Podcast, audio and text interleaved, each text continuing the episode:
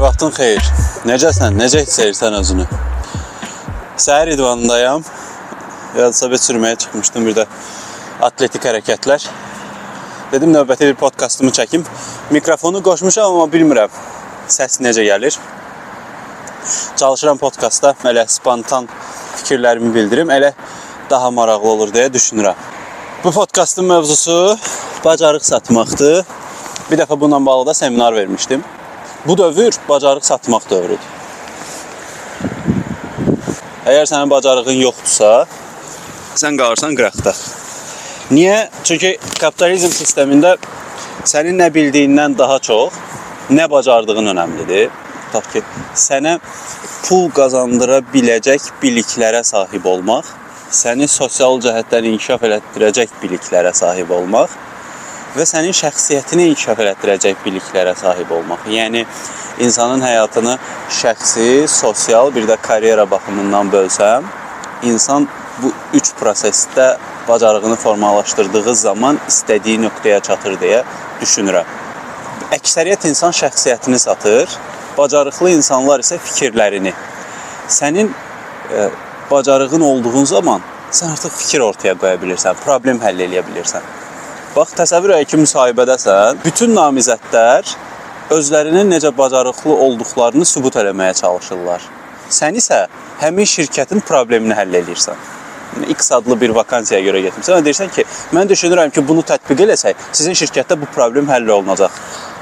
Sənə təbii ki, kifayət qədər maaş verib işə götürmə ehtimalları çoxdur. Sən problem həll eləyirsən. Hər şey digitallaşır. Hətta deyirlər gələcəkdə artıq mağazalarda olmayacaq, geyim mağazaları biz ancaq onlayn alacağıq hər şeyi. Fikir ver, sistemin hamısını quran qərb yönümlü ölkələrdir. Qərbdə yaşayan insanların yaratdığı sistemdir. Yaradırlar, bacarıq formalaşdırırlar, bizə satırlar və biz də onları alırıq.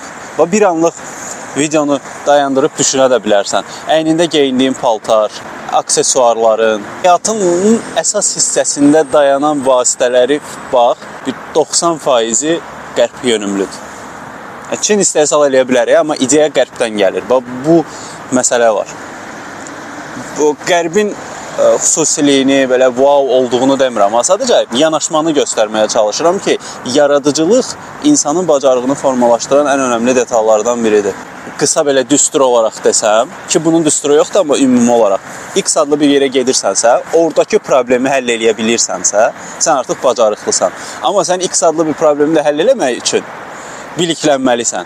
Yəni kitab oxumaq, sosiallaşmaq, buranı təkmilləşdirmək və s. və s. ki, artıq sən ani o situasiyada öz istədiyini çatdıra biləsən. Seminarlarımda həmişə deyirəm bunu. Bir də branding elədiyim adamlarda deyirəm. E, duyğularını ifadə edə bildiyin zaman özünü yaxşı idarə edə bilirsən. Qarşıdakının duyğularını ifadə edə bildiyin zaman onu idarə etməyə başlayırsan.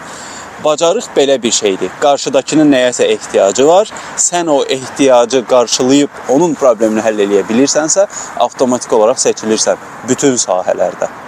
Bu belədir. Belə. Podkastım qısa oldu. Hava soyuqdur deyə üşüyürəm. Bilmirəm amma səsim necə gəlir. E, videodan sonra baxacağam. Fikirlərin olsa, əlavələrin və yaxud istədiyin bir mövzu olsa bunu videonun aşağısına yaza bilərsən və yaxud səsdə Spotify-da, Apple Podcast-da dinləyirsənsə, aşağıda rəy bölümü var, ora yaz. Növbəti podkastlar çəkəcəm. Təşəkkür edirəm dinlədiyinə və izlədiyinə görə. Görüşərik.